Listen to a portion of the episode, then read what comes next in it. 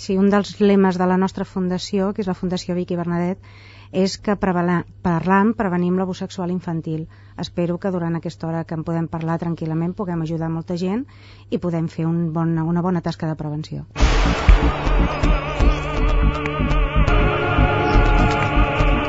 L'Hora de Plutó, amb Núria Ribot. Segons algunes estimacions, com a mínim, un 20% de la població ha patit abusos sexuals durant la infància. També es calcula que a Espanya un 60% de les persones que han patit abusos sexuals, sent menors, no han rebut mai cap mena d'ajuda. La raó és que molts casos mai no surten a la llum. Hi ha por de fer mal a la família, de no ser creguts, de ser acusats d'haver provocat la situació, en definitiva, de no ser entesos. Avui en volem parlar i ho farem amb una dona que fa anys va passar per aquest amarg procés una dona que va passar del silenci a aixecar la veu. És la Vicky Bernadet. Fa 10 anys, la Vicky va crear FADA, l'Associació per l'Assessorament i la Prevenció d'Abusos Sexuals, que després s'ha convertit en la Fundació Vicky Bernadet. Molt bona tarda, Vicky. Hola, molt bona tarda. I benvinguda. Gràcies. Què es considera un abús sexual infantil? Perquè a les definicions no les tenim moltes, no? Però dius, el pare, la mare, de vegades penses en pederastes i es confon tot. Quina seria la definició? Sí, a més a més, molta gent a vegades es qüestiona si, si és abús només si hi ha una penetració, si hi ha... No, no, abús sexual és qualsevol actitud de tipus sexual, amb contacte físic o sense, amb un menor sense el seu consentiment i que no és capaç de comprendre i no és capaç de parar-ho. Uh -huh. Sobretot és sense el seu consentiment i quan diem menor, l'altra persona també pot arribar a ser un menor legal, és a dir, pot tenir 17 anys potser, però en canvi sí que té poder si l'altre en té 7 o 8.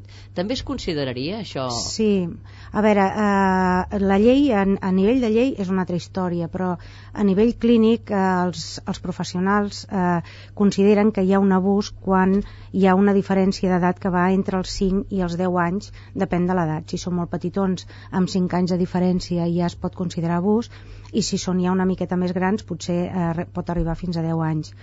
Uh, però en qualsevol cas a vegades hi ha una coerció o hi ha una amenaça o aleshores pot ser fins i tot amb nens de la mateixa edat si és que hi ha aquesta, aquesta agressió o aquesta amenaça no? que és sota coacció uh -huh. Un abusador és també un pederasta? Es confon? O són dos perfils diferents?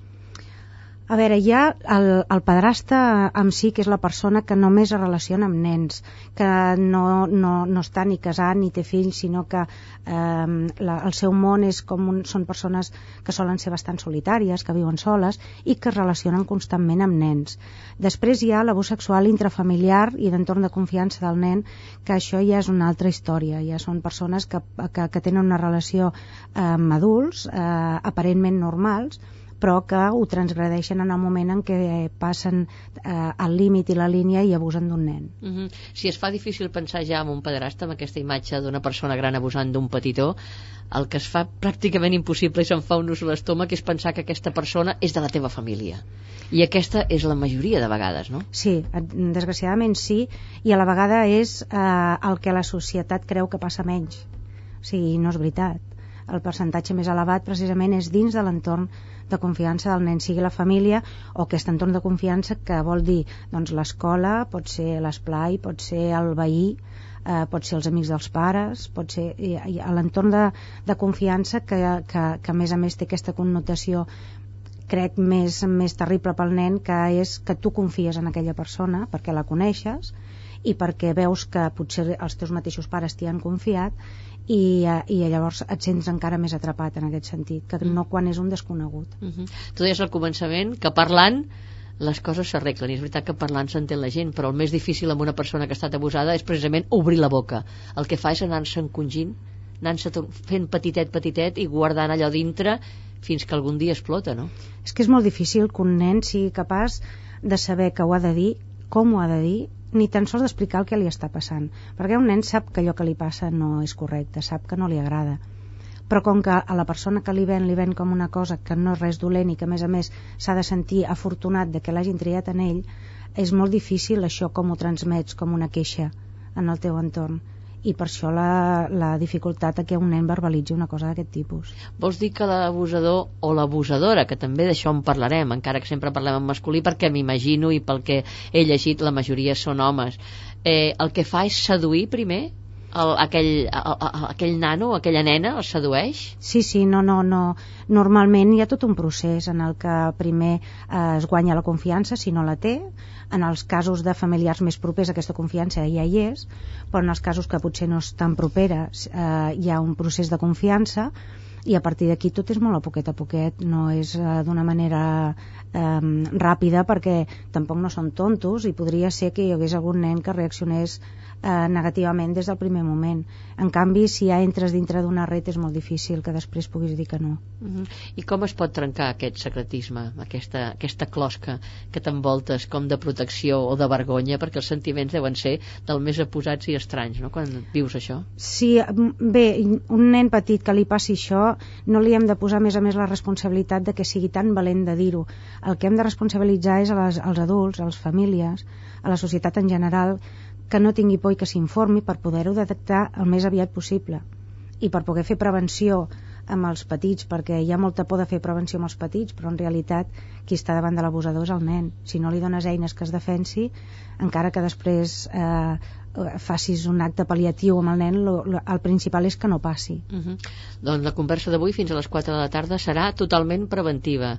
Parlarem i parlarem i entrarem sense cap mena de morbo, però dient les coses pel seu nom, perquè el que volem és que la gent, fins i tot els pares o els familiars, puguin veure o detectar aquelles petites coses que et poden fer sospitar que alguna cosa li passa al seu fill. No? Pues d'això, Vicky, en parlarem avui amb la Vicky, però abans la Pilar de Pedro ens acostarà a la nostra convidada, la Vicky Bernadet. Qui és? Com va entrar a aquest món, per què està portant aquesta lluita, per què està treballant perquè realment la gent se n'adoni que hi ha abusos sexuals i es puguin prevenir.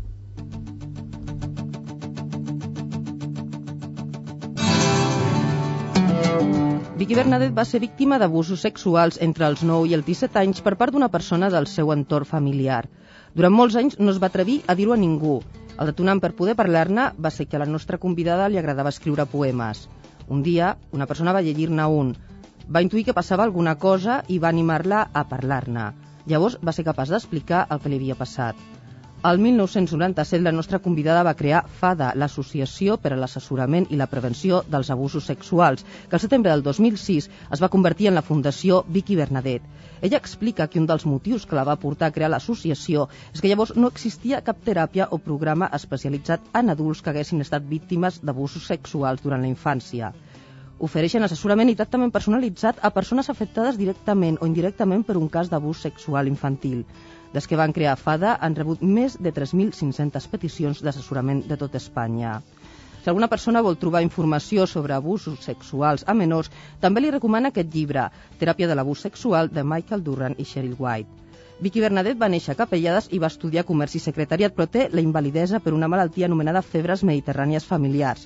La nostra convidada té una filla de 27 anys i explica que continua escrivint poemes a temporada. Quan té temps, a Vicky Bernadet, que és àries de signe del zodíac, li agrada quedar-se a casa amb els seus animalets, escoltar música i el dia que s'anima a sortir li agrada anar al teatre hem demanat a la nostra convidada que ens recomani alguna lectura que ens faci passar una bona estona. I la seva tria ha estat Les veus del desert, de Marlon Morgan, i Cartes a un jove poeta, de Rainer Maria Rilke. Vicky Bernadet creu que hi ha molts tòpics al voltant dels abusos sexuals a menors. El pitjor de tots és el que diu que les persones que han patit abusos sexuals seran desgraciats tota la vida. Això no és veritat, diu. Es pot superar el trauma d'haver estat víctima d'abusos sexuals durant la infància. Però això millor que ens ho expliqui la nostra convidada. Doncs la Pilar de Pedro ens ho posa en safata, Vicky Bernadet. Eh, volem parlar, volem trencar tòpics i parlant s'entén la gent. Per tant, estaria molt bé que aquesta, aquesta primera entrada, aquesta primera crida és dir que la gent es pot recuperar. Mm, suposo que tu ets l'exemple eh, d'aquesta recuperació, però queden seqüeles, el procés és molt dur, és molt llarg, què s'ha de fer? A veure, el procés és lent, no, no és, és de les coses suposo que costen més i que necessiten més paciència i més constància, però, però jo crec que, que, el, que hem, el missatge que hem de donar és que tots els traumes infantils eh, poden arribar a ser molt greus. O sigui, una, un, un infant que es queda sense pares, un, eh, els maltractaments ara mateix a les dones que un nen pres presenci, tot això pot arribar a ser molt greu.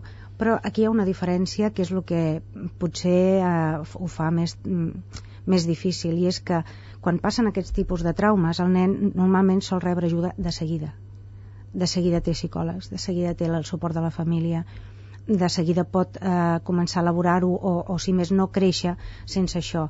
En canvi, quan un nen pateix abús sexual és tot el contrari. És el silenci, l'amargura, el no dir-ho, el secret. Eh, hi ha persones que ho diuen als 30, però hi ha persones que tenen 70 anys i encara no ho han dit mai a ningú. Aleshores, el que hem de procurar és eh, que les persones se sentin lliures de dir-ho eh, en el moment en què tingui necessitat de dir-ho. I això la societat tampoc ens ho posa fàcil. Perquè sabem i intuïm i ho sabem que quan direm una cosa d'aquestes tindrem problemes. Quan som petits tindrem problemes si ho diem en l'adolescència, però després quan som adults també sabem que tenim problemes i desgraciadament es compleix aquest percentatge. Nosaltres a la Fundació, la majoria d'adults que venen, venen més per la sensació de d'humiliació, per la sensació de soledat i de, i de rebuig de la família que no pas del propi abús sexual en la seva infància i la gent es, no sé si fins a quin punt és conscient d'això la societat posa aquest tema en un lloc que fa que la mateixa família tingui por i vergonya de lo que li ha passat amb aquesta persona. Vas passar-ho tu, o sigui, tu dels 9 als 17 anys, Sí. 8 anys de la teva vida, Mm. en plena adolescència, vas Mm. patir-ho. En el moment que se'n va assabentar la família, i no entrarem aquí en més detalls, la sorpresa va ser gran? Sí, jo ho vaig dir... Què va provocar? Rebuig, Mm. ràbia, impotència o alguns possiblement els propers, clar, perquè estaven implicats ja ho sabrien, però altres no. Què va passar? Jo ho vaig dir als 33 o 34 anys, no recordo quan va passar això dels poemes, que aquesta neboda meva els va trobar. Aleshores, clar, quan tu dius això hi ha, hi ha, hi ha un, una moguda familiar, perquè en el meu cas perquè era, no, no era un familiar molt directe com pugui ser un pare, no? I, però hi ha famílies que és el pare, o és un germà gran, o és un avi, no? Aleshores, clar, tu imagina't, en, en aquella família s'han de resituar molt les coses, les persones, perquè aquell abusador no és només l'abusador de... Ell pot ser el pare de, o el germà, o, el, o hi ha molta gent implicada. Aleshores, aquest terratrèmol eh, costa molt de, de, de gestionar-ho bé. La gent no, no reclama ajuda, no demana ajuda per fer aquesta um, per portar aquesta situació familiar, amb la qual és, és molt més fàcil dir bé, ara no diguem res més, ara ja està, ara um, procurem no parlar-ne. Ara ja ets gran, tu tenies 30 i pico d'anys, què n'has de fer? I aquest- ara ja ho has superat. I aquest és el pitjor error que es pot fer, perquè la persona que ha patit això, quan rep aquesta resposta, és, és la decepció i ha la darrera decepció que tu tens, perquè quan ets petit no goses dir-ho, quan ets més gran no, no ho dius per, per por de fer mal a la gent, per por de destrossar una família, per por de... I després, quan ets gran i ho dius, te n'adones que no passa res. Vas tenir el suport de la teva Jo, família? jo he tingut bastant, bastanta sort. Eh, no, la, no tota la que jo voldria a nivell general d'entorn, eh, però he tingut bastanta sort perquè, perquè la primera reacció potser es va haver de treballar una mica, però he aconseguit almenys un equilibri. Però és que allà a la Fundació hi ha casos que, que, que són de jutjat de guàrdia, o sigui, persones que es queden totalment soles, que la família eh, fa En el moment pinya. de denunciar-ho, vols dir que es sí, queden sí, soles? Sí, sí. O sigui, eh, t'ho torno a dir, moltes persones adultes que venen a la Fundació, quan es parlen als grups d'ajuda mútua entre adults, eh, moltes vegades ho comentem entre nosaltres, no? És curiós que estiguem parlant del present constantment perquè el passat ja no... O sigui, el que fa mal precisament és aquest, el present. A l'adonar-te'n de que quan ho has dit eh, realment a vegades es fa pinya però es fa pinya amb la persona que t'ha fet mal, no amb tu perquè és més fàcil per la família que marxi una persona que no pas que, que hi hagi una moguda, que hi hagi una dispersió total de la família i per no trencar-la moltes vegades no es dona suport I has dit família i has esmentat avis, també. sí. Eh, Em deixa impressionada. Mhm. Estem pensant en avis. Mm, avis que abusen dels nets. Mm. Poden ser persones que ja de joves ja ho havien fet i per tant no han rebut ajuda ni teràpia de ningú i a vegades pot ser que aquest avi abans hagi abusat del seu fill o de la seva filla i després dels nets perquè com que tenim aquest silenci i aquest tabú muntat que, que l'únic que ens fa és donar oportunitats als abusadors, clar, entre tots, entre, aquest, entre tot aquest silenci que muntem totes les persones de por, el que fa és, és, és donar impunitat total amb ells, clar. I estem parlant en masculí sempre o també les, la, hi ha dones, mares abusadores? Els percentatges ens permeten parlar en masculí eh, perquè són més elevats però s'ha de dir que hi ha dones abusades i dones abusadores, al igual que hi ha homes que abusen i nens que són abusats. El percentatge és més petit, és bastant més petit, per tant, majoritàriament els que abusen són homes, però crec que també és de dret que les persones en, mm, que tenim a la nostra entitat que han estat abusats o abusades per dones eh, per respecte a ells també està bé que es digui que sí que existeixen, perquè mm. encara se senten més sols. Mm -hmm és, és entrar en un món com molt desconegut perquè quan també he llegit que hi ha mares que saben que els seus fills petits són abusats pel pare, és a dir, pel seu marit i no ho diuen, a mi em sembla una mica com si fos un guió d'una pel·lícula de por. Això és així.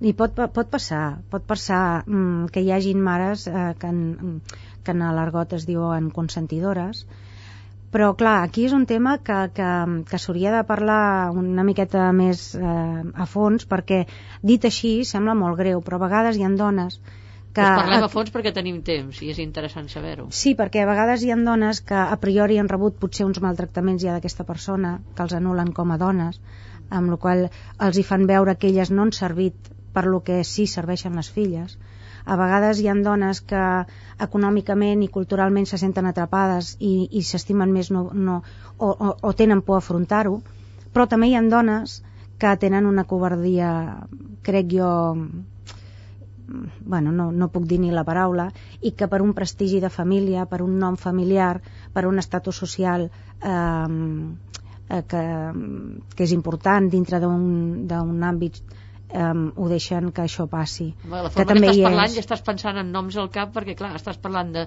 determinades famílies o noms i cognoms coneguts que fa que la dona calli. Sí, jo vaig tenir un cas d'una persona que em va dir home, el prestigi d'un nom de més de dos segles no el tiraré per terra ara per això.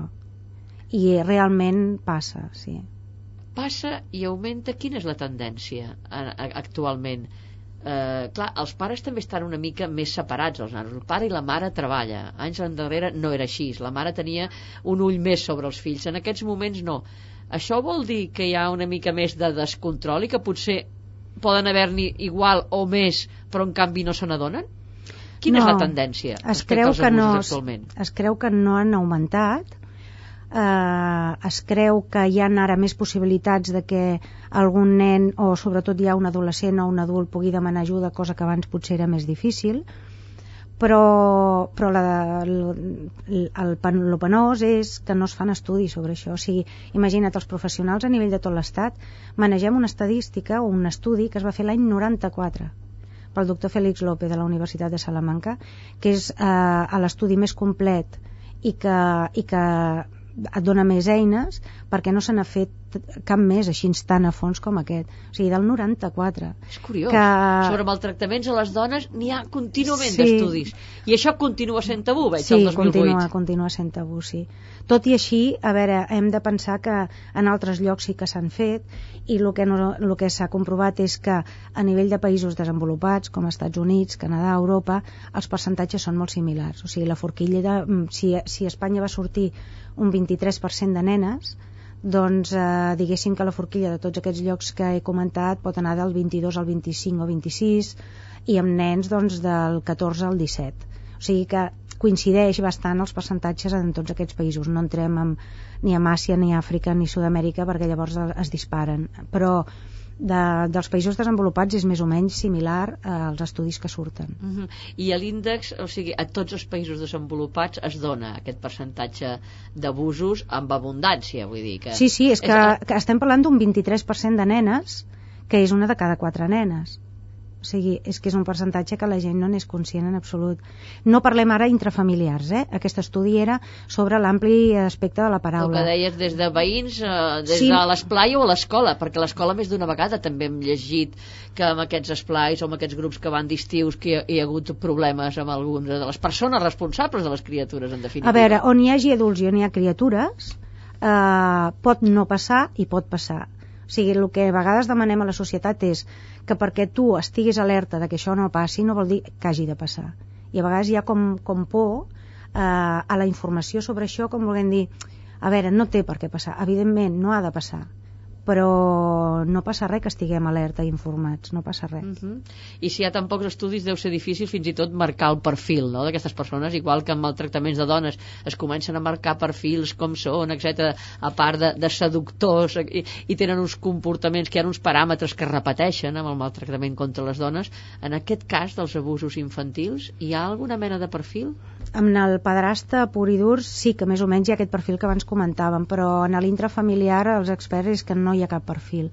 Perquè tu podries dir, bueno, és una persona doncs insegura, però no totes les persones insegures són abusadores. O és una persona eh, que a lo millor no, no, de petit doncs, eh, va tenir algun tipus de problema cognitiu sobre la sexualitat i tal, però tampoc totes les persones que han passat... O sigui, arribes a la conclusió que no hi ha un perfil, perquè són persones totalment eh, normals en el sentit eh, eh, de que tu els veus eh, que porten una vida normalitzada, que porten famílies, que pot ser des d'un catedràtic d'universitat fins a un lampista, una, un, qualsevol d'aquestes persones, i per tant aquest perfil ho dificulta encara molt més el fet de poder prevenir l'abús sexual a dins de l'entorn. Mm -hmm escolteu una mica de música, ens relaxem, perquè realment tot el que has explicat eh, dona molt que pensar i posa una mica la pell de gallina, però no volem això perquè el que volem és, com dèiem al començament, aportar una mica la teva experiència també perquè la gent estigui una mica alerta i ara després d'escoltar el Bruce Springsteen, t'agrada el Bruce Springsteen? M'encanta. T'agrada? M'encanta. Suposo que deurà anar al juliol, perquè vindrà per aquí una altra vegada, el tindrem no per Barcelona. No hi podré anar, aquesta vegada no hi podré anar, però ja, ja s'han venut les entrades, eh? Sí, la sí, gent va com boja. A més a més, eh, ja no hi seria ni a temps, però per lo que tinc previst per, per aquest mes no hi podré anar aquesta vegada, però em conformo amb sentir-lo i escoltar-lo quan em ve de gust. Doncs mira, l'escoltarem i escoltarem una que és molt maca, de fa molts anys, Hungry Heart.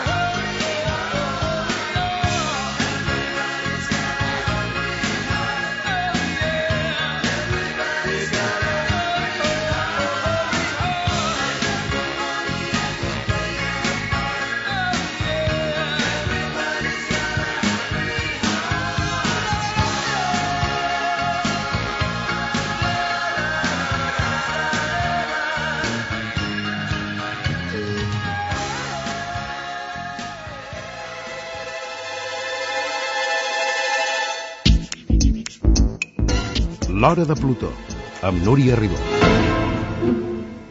I avui continuem la conversa amb Vicky Bernadet, fundadora i presidenta de la fundació que té el seu nom. I estem parlant de com prevenir els abusos infantils. Hem parlat d'aquesta primera part, de tota aquesta mena de detalls, però clar, a veure, a mi m'agradaria mmm, que la gent se n'adonés, però com que el tabú és tan fort, ja ho has dit, Vicky, és tan fort el tabú, què, quines pistes, què, què, què, què pot fer recelar un pare o una mare? A veure, com poden estar al tanto de que alguna cosa rara passa perquè els nanos, com tu molt bé deies, no se'ls hi pot demanar la responsabilitat de que denunciïn, perquè sobre no saben ben bé per on anar, no? Estan passant molt malament. Què, què fa sospitar que alguna cosa pot passar? Home, jo primer demanaria als pares que està molt bé vigilar els fills, però a vegades s'ha d'observar més i vigilar menys. Mm? Perquè és amb l'observació del teu fill que veuràs si li passa alguna cosa. O sigui, eh, l'indicador principal és un canvi de conducta que també hi ha una falsa creença i és que el nen que ha patit abús es torna introvertit, tancat... Clar, si diem un canvi de conducta vol dir que dependrà de com era el nen abans. O sigui, si era un nen introvertit i, i, i molt tancat, pot ser que de cop i volta es torni doncs, a gamberro que, que, que cridi l'atenció i que el castiguin per primera vegada a l'escola o al revés, si és molt extrovertit, molt alegre, de cop i volta es tanqui. Per tant, és el canvi de conducta, el canvi d'hàbits, el canvi en el que tu observes que el teu fill ha canviat alguna cosa. A partir d'aquí, aquest indicador pot dir, pot dir moltes coses. El que sí que et diu és que a aquell nen li passa alguna cosa. Aleshores, els pares el que han de fer és no quedar-se només amb el ja li passarà, o, o quedar-se només amb deu tenir gelos del nen o no quedar-se només amb què deu ser pel, per què, sinó pregunta, mira, vés a l'escola, pregunta si a l'escola també veuen el mateix. O sigui, aquest pas més que fa que tu et preguntis el per què, o sigui, que no et limitis a que un nen vingui a casa i digui que no vol fer més classes de natació i que tu li contestis, eh, sí home, ja han pagat el mes. No? O sigui, pregunta per què no hi vol sí. anar, a veure si amb una mica de sort t'ho contesta. I si no t'ho contesta, doncs vés tu un dia a natació, vigila a veure què passa allà, a veure quina conducta hi ha eh, entre els monitors o entre les altres famílies. O sigui, que no ens quedem només amb això i sobretot ja quan som més grandets l'adolescència és l'excusa perfecta moltes vegades per no fer res, no? Um, que jo entenc que l'adolescència és eh, no, no podem fer cas de tot el que fa un adolescent però un mínim, un mínim d'investigació jo crec que ens ajudaria moltíssim a veure a que, què li passa al nen. A partir d'aquí pot ser que només detectem que al millor eh, aquell nen senzillament no li agrada nedar, amb la qual també seria respectable i tampoc no tindríem per què obligar-lo, però a lo millor eh, veiem alguna altra cosa no? Que, i, i, i no sempre ha de ser un abús però, però que jo crec que la pitjor pega és que ningú té present que pugui passar clar, tu com pots detectar una cosa que no tens present que et pot passar? Mm -hmm. o sigui, a, a lo millor al nen li passa això, a lo millor, però l'abús no hi és mai. Està fora absolutament Està fora. de la nostra idea, o sigui, ni ho considerem. Per tant, difícilment detectarem una cosa. Aleshores només demano que es tingui present, que la gent tingui interès en informar-se, que la gent tingui interès a assistir a tallers, que no ve ningú, o, o, o les escoles que tinguin interès en fer un taller de detecció eh, i d'intervenció amb abusos i que els pares realment hi vagin eh, i que, i que tinguin el mateix interès per anar a veure, per exemple, una informació d'anorèxia, però també de l'abús sexual, que encara uh -huh. hi ha molta reticència, moltíssima. Dius que no hi ha interès, està... jo imagino que la fundació, la teva fundació, el que intenta és precisament parlar, parlar a les escoles, parlar amb els centres, parlar amb els tallers, parlar al màxim perquè els arribi amb els nanos. Quina és l'acollida que teniu a les escoles? Se n'està parlant o es parla de vegades potser més dels maltractaments a les dones i d'altres coses i en canvi eh, d'això continua sent un tabú també per les escoles des de que vam començar i sobretot potser des de l'any 2000 que vam començar a fer formacions ha millorat moltíssim, també ho haig de dir. Eh, teníem una formació dues l'any i en aquests moments eh, hem anat augmentant d'any a any quasi un 50% amb la qual eh, estem molt contents de com està canviant això i de com les nostres ofertes, diguéssim, a nivell de, de prevenció i sensibilització funcionen. Però tot i així és molt precari. Vull dir, encara et trobes escoles que et diuen no i no, jo si faig un taller d'això igual es pensen que ha passat alguna aquí. O, o fins i tot el més greu que, que se m'ha pogut dir, el més greu és que una persona mm, professional una, un mestre digués, sí, home, és, eh, si faig un curs d'això acabaré detectant-ho tot, no? com dient, així si no ho sé, igual ni ho veig, no? perquè la gent té molta por a complicar-se la vida amb aquest tema. Encara hi ha por a que si ho detecto, què faig? I em trobaré un embolic i llavors haig de denunciar i eh, hi ha molta por. En canvi, si tu t'informes, te n'adones, i això ens ho diuen la mateixa gent que assisteixen en aquests tallers i cursos, que quan tu t'informes bé de tot, perds la por. La informació et fa més valent perquè la informació deu anar de cara als grans primer perquè els hi puguin ensenyar als petits a l'escola. Nosaltres adequem, sobre el col·lectiu que anem, adequem el curs. O sigui que nosaltres fem cursos des d'instituts amb, amb nois i noies que fan integració social o educació infantil o, o fins i tot batxillerat o si ens ho demanen professionals de l'àmbit eh, de la psicologia o advocats o, o si ens ho demana una associació de pares o si ens ho demana un centre cívic. No? Ho intentem adequar una miqueta a, en les persones que venen en aquest curs per lo que més necessitin, evidentment. Però clar, la informació és tan àmplia que, que segur que en qualsevol d'ells aprens moltíssim. No, és una mica... La veritat és que això que has dit d'aquest mestre, només que es fos un cas, encara que sigui un cas, posa una mica la pell de gallina. Que és un anar... sol cas? És un sol cas, però és prou important perquè un sol cas vol dir una escola i una escola vol dir segurament centenars de nens i nenes que se'ls hi priva d'una informació que podria ser capdalt. Aquesta Però afortunadament, ja et dic que a vegada tenim, tenim constància en els nostres eh, cursos i en els instituts que, que es van fidelitzant cada any a fer el, el, el curs. Uh -huh. Perquè m'imagino que quan és adolescent, quan és petit potser canvia molt el caràcter d'adolescent, deuen pensar, estic sol, mm, quan tinc 18, 19 o 20 anys, estic sol, no tinc a ningú. Ara, en aquests moments, bueno, està aquesta fundació, la teva fundació, que, que però imagino que masses eines, masses estris per combatre no n'hi ha. Jo no sé si a la resta del país, a la resta d'Espanya, eh, hi ha fundacions d'aquesta mena, o vosaltres fins i tot teniu delegacions a diferents llocs on també s'estigui treballant en aquest sentit.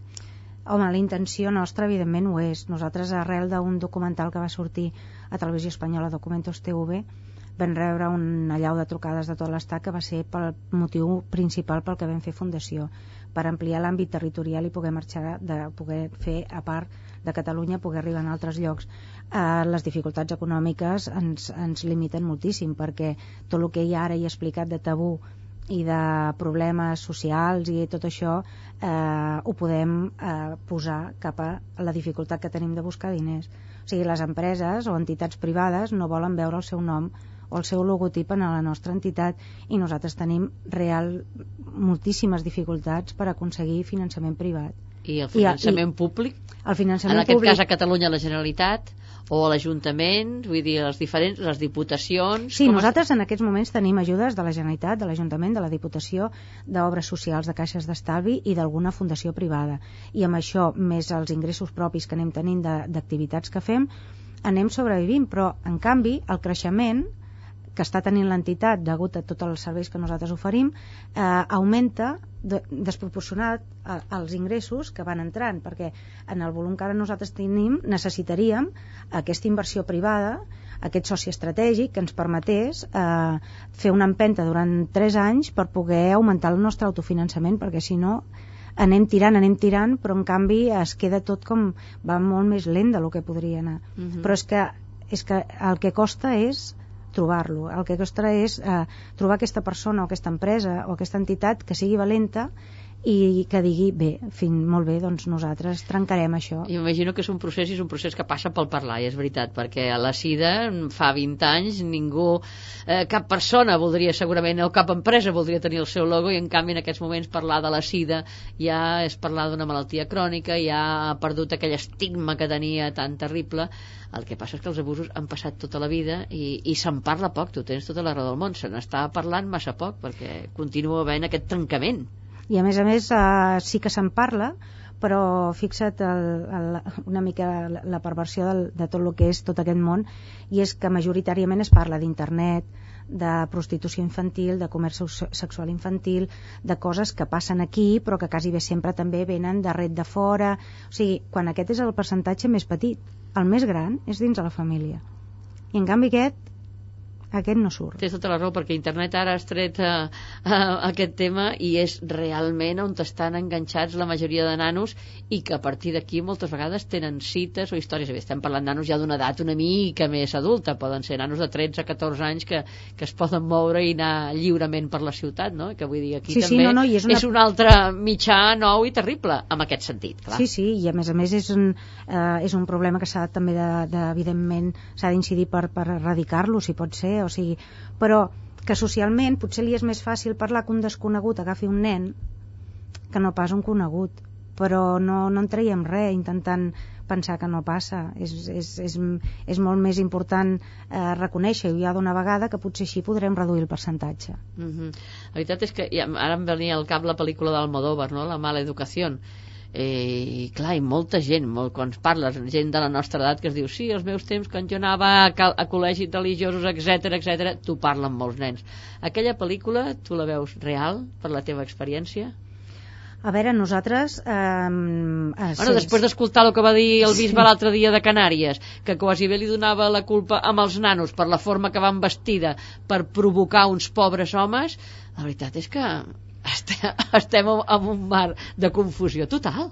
Sí, el que passa és que el greu és que ho vagi dir aquesta persona i que vagi dir fer aquestes declaracions, però encara ho és més que se li permeti fer. O sigui, que hi hagi un, um, una permissivitat amb unes declaracions d'aquest tipus i que la gent surti al carrer és que a més a més va donar la casualitat que uns quants dies abans o, sigui, o uns, al revés, uns quants dies després d'aquestes declaracions va ser la macromanifestació a Madrid de, dels capellans La de la Profamília. família. Clar, a mi el que em sap greu és que eh, que els mateixos, ells mateixos li permetin que això ha quedat amb no res. O sigui, a més a més eh, ha dit que ell no va dir això eh, però, però jo trobo que el greu és que es vagin fer aquestes declaracions que vagi sortir com a notícia i nosaltres vam intentar fer alguna protesta però és que era Nadal i la veritat és que va ser bastant difícil poder... No, bé, de fet ho vam deixar junt amb una organització de, de, del País Basc que es diu Abassi ens vam trucar i ells es van trobar amb la mateixa dificultat per, els mitjans de comunicació bàsicament eh? hi havia massa, era Nadal i tampoc aquest tema no era No era gens No familiar. era gens familiar. No era gens familiar. i no, era no adequat. vam poder És terrible pensar això, eh, que es tanca les oportunitats sí, en però aquest... s'ha de dir s'ha de dir S'ha de dir, no, no, no, no, per això estem per, per parlar-ho i per, per dir-ho. A veure, uh, quina mena d'actitud poden agafar els pares un cop ho detecten amb, amb això que anaves dient? Denunciar? Què es fa? O Es va a una organització, a una fundació com la teva? Es va a la policia? Perquè de vegades hi ha hagut casos de denúncia, no fa massa llegia, no?, d'una mare que va acusar el seu marit d'abusar dels fills, l'home va estar quatre mesos a la presó i després va resultar que allò no va ser veritat, després sembla que a vegades els nanos poden ser seduïts fàcil, fàcilment perquè puguin fer unes declaracions que no són, o sigui, ens trobem també amb uns dilemes que de vegades poden pagar justos per pecadors, vull dir, aquell pobre home va passar quatre mesos a la presó sense ser-ho, no? És complicat fins i tot detectar-ho o fins i tot la poca experiència que n'hi ha dintre del camp policial, potser. A veure, mm, quan tu sospites que hi ha un menor que pot patir abusos sexuals, sigui qui sigui, qualsevol ciutadà, està obligat a comunicar-ho. Sospita. Sospita, torno a repetir. I no denunciar, comunicar, que és el que a vegades fa por la gent, no? Tu eh, creus que hi ha un nen que està en situació de risc de patir abusos, creus que li pot estar passant i tu ho has de comunicar. I ho pots comunicar a la Direcció General d'Atenció a la Infància i Adolescència, pots a la Fiscalia de Menors, a la Policia Nacional, que té ja una, un grup especialitzat en això, um, tu comuniques aquesta situació de risc. Després, aquestes persones són les que s'encarregaran de decidir si hi ha causa o no hi ha causa. Faran un procés d'instrucció si ho creuen necessari. Eh, arribarà a judici si el procés d'instrucció demostra que hi pot haver indicis que allò passi. O sigui, el, el procés és tan ampli que tu, en moment de comunicar-ho, al moment de donar la veu d'alerta, no vol dir ni que hagis de jutjar, ni que hagis de donar sentència, ni que hagis de decidir que allò ha passat o no ha passat. Són persones especialitzades les que al final decidiran això, que es poden equivocar com tothom en la vida, d'acord? Però eh, el percentatge de denúncies de, de, de falses que puguin ser nens manipulats per, les seves, per, se, per la seva família eh, un nen és fàcilment manipulable però també és fàcilment detectable aquesta manipulació per un professional acostumat a fer això. O sigui, els psicòlegs forenses saben com detectar això. Aleshores doncs, hem de pensar que aquest, aquest nen mm, aquesta versió no la podrà mantenir eh, d'una manera continuada i davant d'especialistes. Uh Mhm. -huh. I és veritat que hi ha denúncies falses, però n'hi ha poques i a més a més són fàcilment detectables. I alguna pot ser que arribi en casos extrems, però, però són tan mínimes que comparat amb la resta, sincerament, mm, Mm -hmm. Vicky, però per arribar al final s'ha d'anar al judici, no? I quan penso en aquesta part terrible, que és quan el, el petit, aquella persona, aquell petit, aquell menor, s'ha d'enfrontar, no?, als advocats, a un jutge, recordar, parlar, això que diem que és tan bo amb aquestes circumstàncies no és gens bo, fins i tot a vegades s'ha intentat protegir posant mampares, fins i tot a vegades s'han escaquejat de les declaracions, vull dir, és molt complicat i molt delicat, i molts pares fins i tot prefereixen que no torni a recordar allò que és tan terrible, no? Vull dir, que, que per totes bandes és prou espinosa aquesta situació. Sí, el procés judicial és millorable, és molt millorable però, però també és veritat que, que és un delicte i que, i que s'ha de denunciar. Una altra cosa és que hi hagin pares que però el fet és aquest, és un delicte, s'ha de denunciar i aquesta persona eh, si pot ser jutjat i si pot ser i és culpable que, que, que rebi el, el càstig o el que sigui i a més a més la teràpia si pot ser anar a la presó perquè, perquè, perquè deixi, de ser, de, deixi de fer això no? però um, tot i sent millorable, s'ha millorat moltíssim en els últims temps, o sigui que hi ha cada vegada més sensibilitat en aquest sentit, alguns jutges hi admeten mampares, alguns jutges admeten fins i tot eh, vídeos en els que s'han gravat les declaracions, però no hi ha unificació de criteris, encara n'hi ha que no, encara és a criteri del jutge, o sigui que eh, és molt millorable i crec que la part aquesta de, dels jutges eh, hi hauria d'haver una um, un canvi de mentalitat en el sentit de que eh, hi hagi jutges especialitzats en, en, en aquest tipus de delicte i que si més no s'assessorin bé de les conseqüències de les, de les reaccions dels nens eh, de, de per què un nen pot dir una cosa eh, en un moment donat en la declaració prèvia però si el judici triga molt ho diu d'una altra manera i això no vol dir una contradicció vol dir que el nen creix i s'expressa diferent Aleshores, I el record també va ser diferent. I el record també pot ser diferent. No? Aleshores, és molt millorable, però també és veritat que um, en els darrers anys s'ha guanyat bastant en el percentatge de jutges que admeten ja aquest tipus de, de, de, de protecció en els nens en el moment de les declaracions. Anem donant passets molt petitets. Sí, però, però són donant. molt petits, eh? Molt, però... molt petits, sí. molt petits. Fem una altra pausa i escoltem música. La Lídia Pujol. Ai, la Lídia? La Lídia Pujol m'encanta. T'agrada? Molt. La Nina i son germà.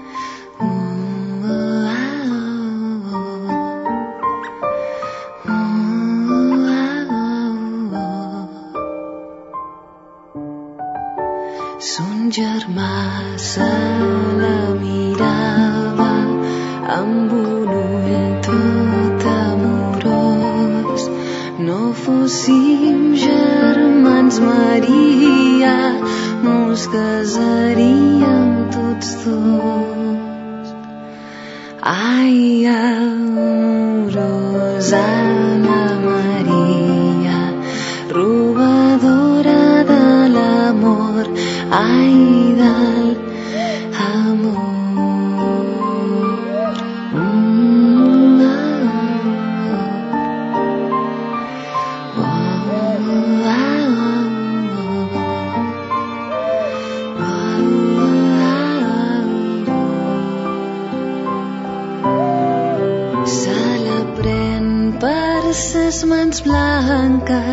se la pren tot amorós. A dalt se'n pugen Roseta, a dalt se'n pugen tots dos. Amorosa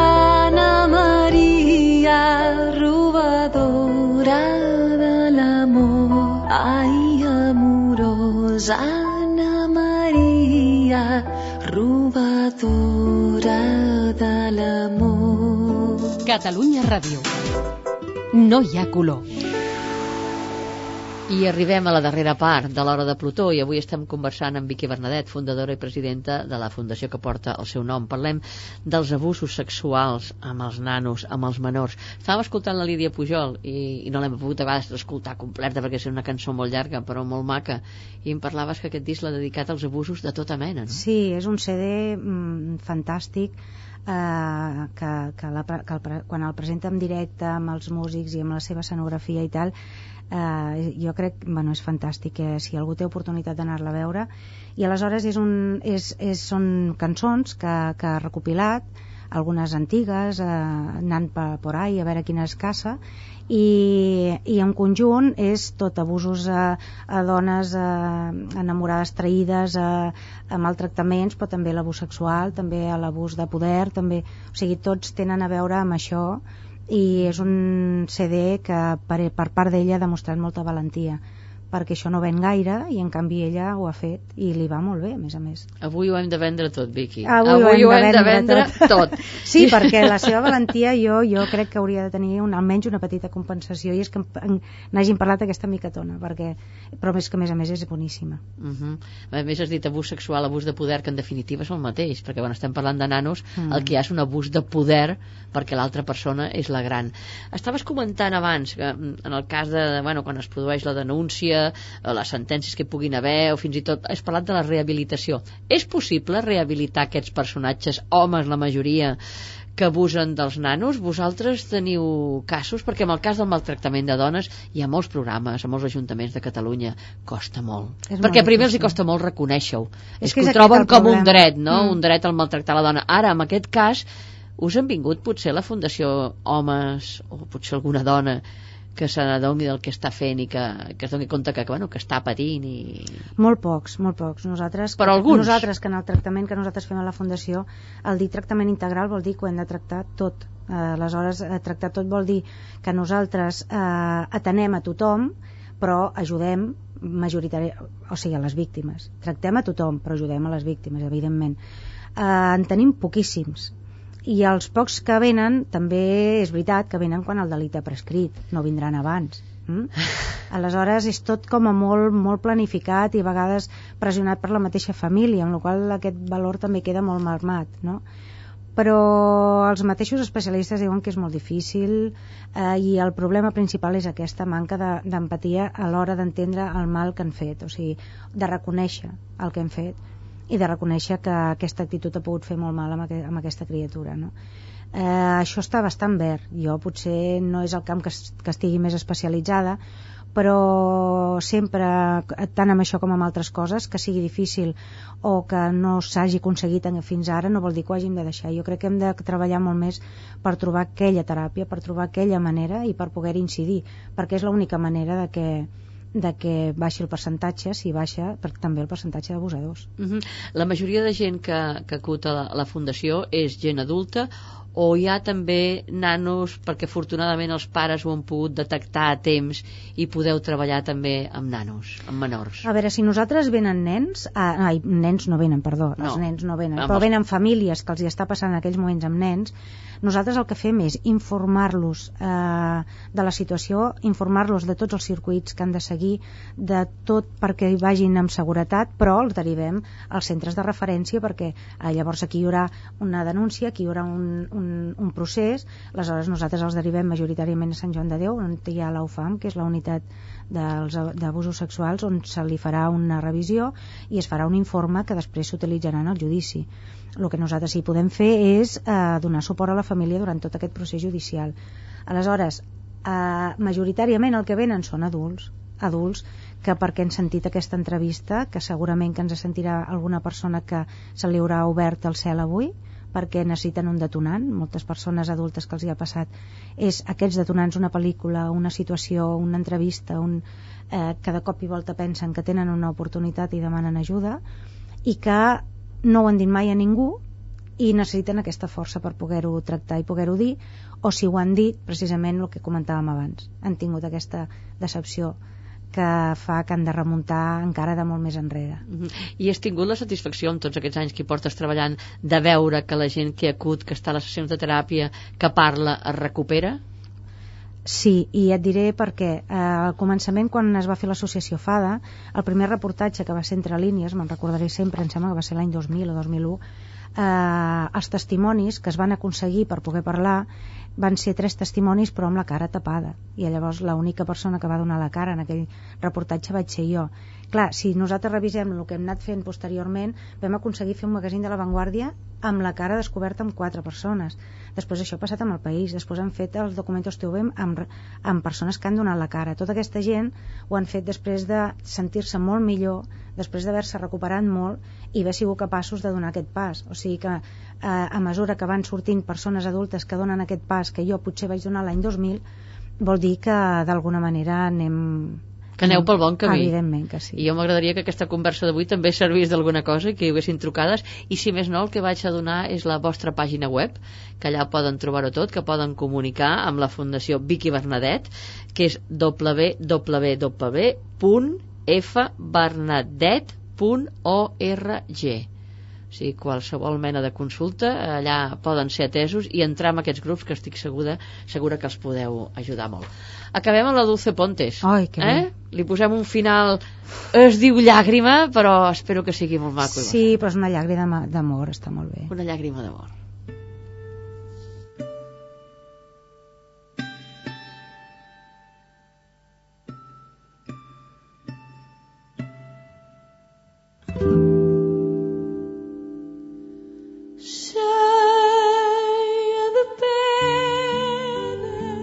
I mentre aquesta llàgrima cau, li diem adeu a la Vicky Bernadette. Moltes gràcies. Gràcies. Espero que aquesta conversa al parlar i al parlar, que és el, el vostre lema, serveixi d'alguna cosa.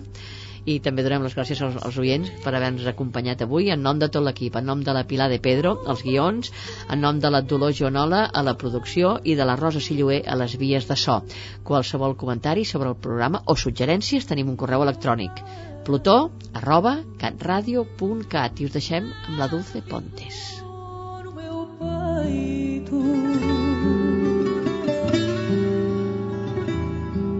Este jeito, o jeito de te querer tanto,